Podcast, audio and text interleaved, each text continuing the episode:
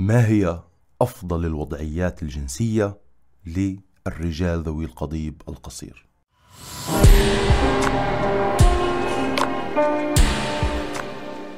السلام عليكم ورحمة الله وبركاته معكم دكتور يوسف واليوم سوف نتكلم عن الوضعيات الجنسية لمن لديهم قضيب قصير سنتكلم عن ما هي أفضل الوضعيات التي تلائم القضيب القصير ما هي أفضل الوضعيات التي تلائم القضيب القصير جدا وما هي الوضعيات التي لا ننصح بأن تقوم بها لأنها لن تساعدك لن تمتعك بالشكل المناسب. حسنا إخوتي الكرام هذا الفيديو طبعا مخصص للكبار فقط فإذا كنت أقل من 18 أو غير متزوج فأنصحك بعدم دخول هذا الفيديو وأتمنى من الأشخاص أن لا تغضب من هذه الفيديوهات لأنها مخصصة بنشر العلم والفائدة لأن هنالك بالفعل رجال تعاني من عدم إشباع لزوجتهم بسبب صغر حجم القضيب ونود أن نشرح لكم اليوم طرق كيف تتعامل مع هذا الموقف كي تستمتع وتمتع ويكون هنالك علاقة زوجية جميلة واستمتاع وعدم إحساس بأنك ناقص أو أنه عندك مشاكل. فالهدف هو طبعا نشر الخير والفائدة. وإذا كنت لا ترغب بسماع هذه النوعية من الفيديوهات بكل بساطة أخرج الآن قبل أن نبدأ.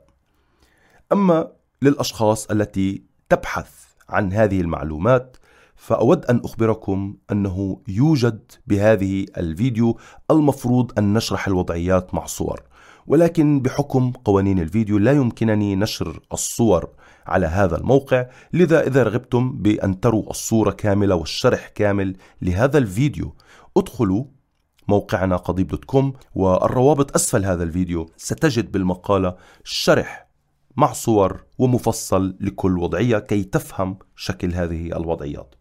حسنا. طول القضيب طبعا يشغل تفكير معظم الرجال لأنه يدل على القوة الجنسية ويعتبر رمز القوة والفحولة. ولهذا نحن في هذا الموقع وفي هذه القناة دائما نتكلم عن أفضل الطرق إن كان بالوصفات بالغذاء التمرين الحبوب الكريمات الأجهزة كل الطرق التي فعلا تعمل نشرحها دائما في موقعنا قضيب دوت كوم فإذا رغبت بأي نصيحة بخصوص هذا يمكنكم دخول الموقع أيضا والتعلم عن هذه المواضيع والحبوب. ولكن طبعا ليس فقط تكبير العضو هو العامل الوحيد لإسعاد الزوجة والرجل، بل يجب استخدام صحيح للعضو الذكري، لأن الاستخدام الصحيح يضاعف المتعة لكلا الطرفين في العلاقة. فإن اختيار الوضعيات الصحيحة سوف يساعد بدخول أعمق دخول أكبر تحفيز لداخل المرأة وإمتاعها أكثر حتى لو عندك العضو قصير نسبيا.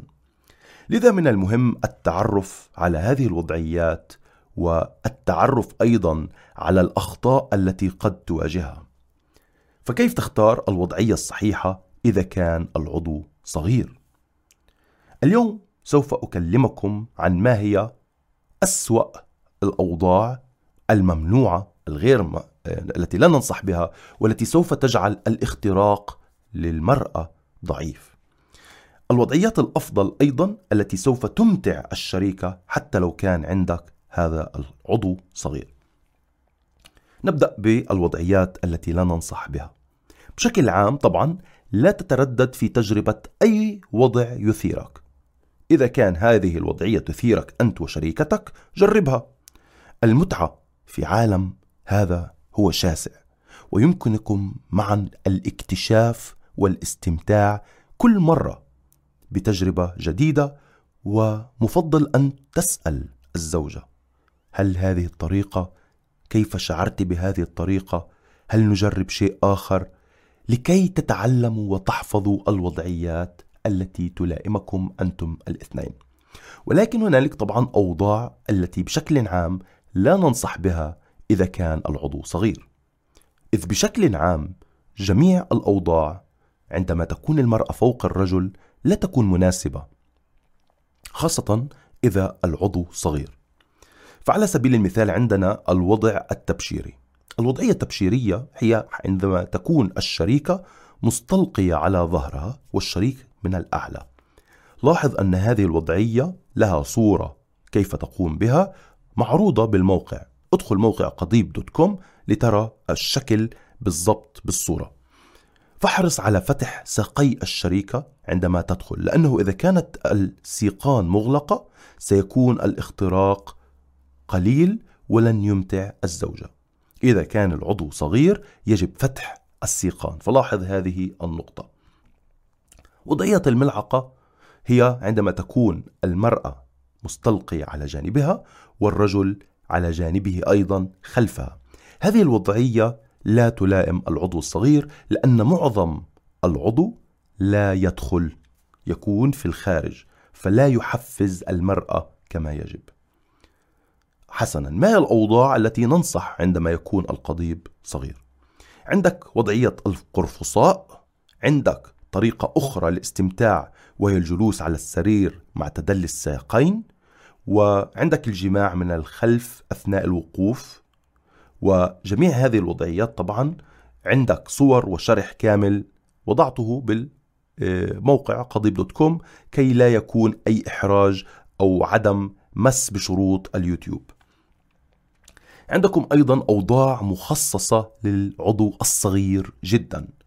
وأفضل هذه الوضعيات هي وضع الكلب الخلفي لأنه فيه أفضل تحفيز للنقاط الخاصة عند المرأة وأكثر طريقة فيها تدخل إلى عمق المرأة مع إمكانية لأن الذراعين عند الرجل تكون آه، يمكنه أن يستمتع بهذه الأيدي يمكنه أن يمتع الشريك أكثر بمداعبة كاملة أثناء الإيلاج. فهذه هي الوضعيات التي ننصح بها. ولكن في نهاية الأمر ما يصلح لبعض الناس أو معظم الناس قد لا يصلح للجميع. لهذا دائما تذكر بأن تجرب أي وضعية جديدة تناقشها مع شريكتك تسألها. ليس خطأ أن تسألها كيف شعرت كيف استمتعت وكيف ممكن أن نتقدم من هذه الوضعية إلى وضعية أفضل. وهذا شيء قد يختلف من رجل وزوجة إلى زوج آخر.